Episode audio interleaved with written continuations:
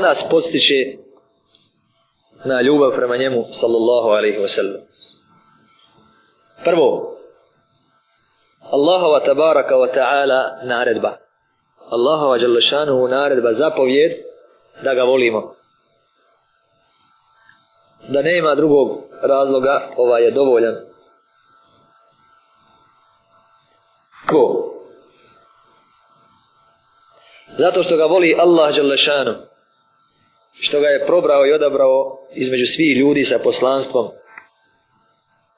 ostavio ga da bude zadnji poslanik da sa, njim, sa njime znači okonča poslanstva častio ga objavljivanjem Kur'ana njemu zatim širenjem grudi skidanjem tereta dizanjem njegova spomena, propisivanjem salavata na njega od strane meleka i ljudi, sallallahu alaihi wasallam, zatim slanjem njega kao milosti svjetovima, darovanje mu šefata, a to je zahvalno mjesto koje se spominje u hadisu, makamun mahmud, a to je veliki šefat. Odlikovan je haudom. Haudom koji je najljepši, najbolji, najvredniji haud od svih poslanika, vrelom sa kog će napiti svoje sedbenike na sudnjem danu.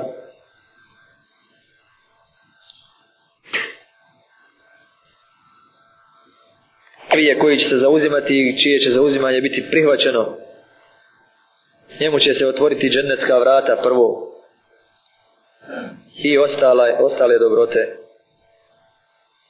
i pohovalne osobine kojima ga je Allah Želešanu ukrasio i obdario. Znači, razlog ljubavi prema njemu, njegova milost, pažnja i trud oko umeta da ga uputi da ga izbavi iz propasti. Iz te brige skoro da mu je duša klonula. Više puta Allah tabaraka wa ta'ala mu kaže začeš ti svisnuti od tuge ili ne žalosti se to znači da se on puno žalostiva nad umetom svojim ko kaže o njemu Allah Đelešanu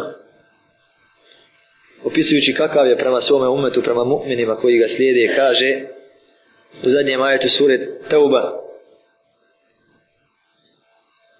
Došao vam je poslanik između vas teško mu je ono što podnosite trudi se da mu'minima ugodi i pomogne i prema mu'minima je blag i milostiv. Četvrto, zbog njegovog nasihata i ihsana, nasihata i dobročinstva prema umetu, znamo da je umet uputio u pogledu njihovog gospodara, u pogledu njihovog neprijatelja i blisa, u pogledu ovog svijeta i njegovih zamki i opasnosti, u pogledu onoga svijeta i njegovih također opasnosti i divota, u pogledu svake stvari koja je u sebi loša ili koja vodi lošem, ili u pogledu svakog lošeg postupka prema određenoj stvari. Jer neka stvar može biti sama prema sebi loša. Nekada može stvari biti dobra, ali mi loše prema njoj postupamo. U sve to Resul sallallahu alaihi sallam nas je uputio i kaže da taj njegov nasihat prema umetu, taj njegov savjet prema umetu, da nije ostavio nikakva dobra, a da ga nije objasnio i sa punim trudom i pažnjom umetu preporučio.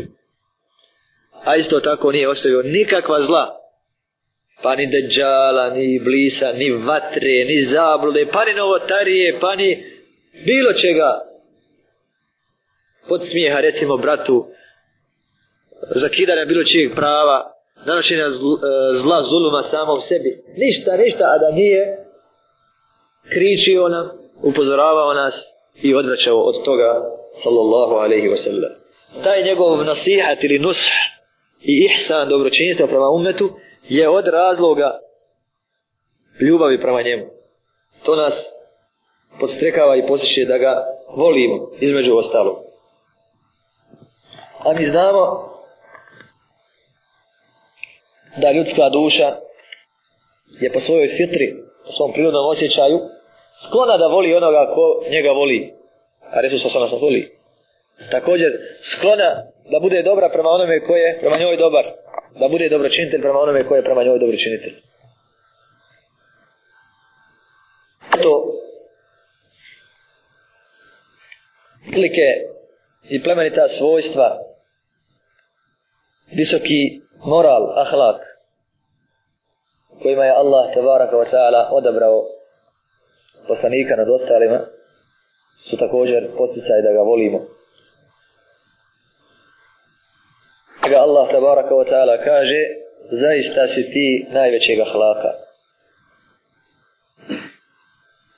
Na to je da potiče od najplemenitije familije, iz najplemenitije kuće, najplemenitijeg naroda, najplemenitijeg oca i majke. Kada je dijelio, nije se bojao siromaštva. Bio je toliko hrabar da se u najtežim momentima iskušenjima u borbi ashabi za njega krili. Najviše je pazio na svačije pravo.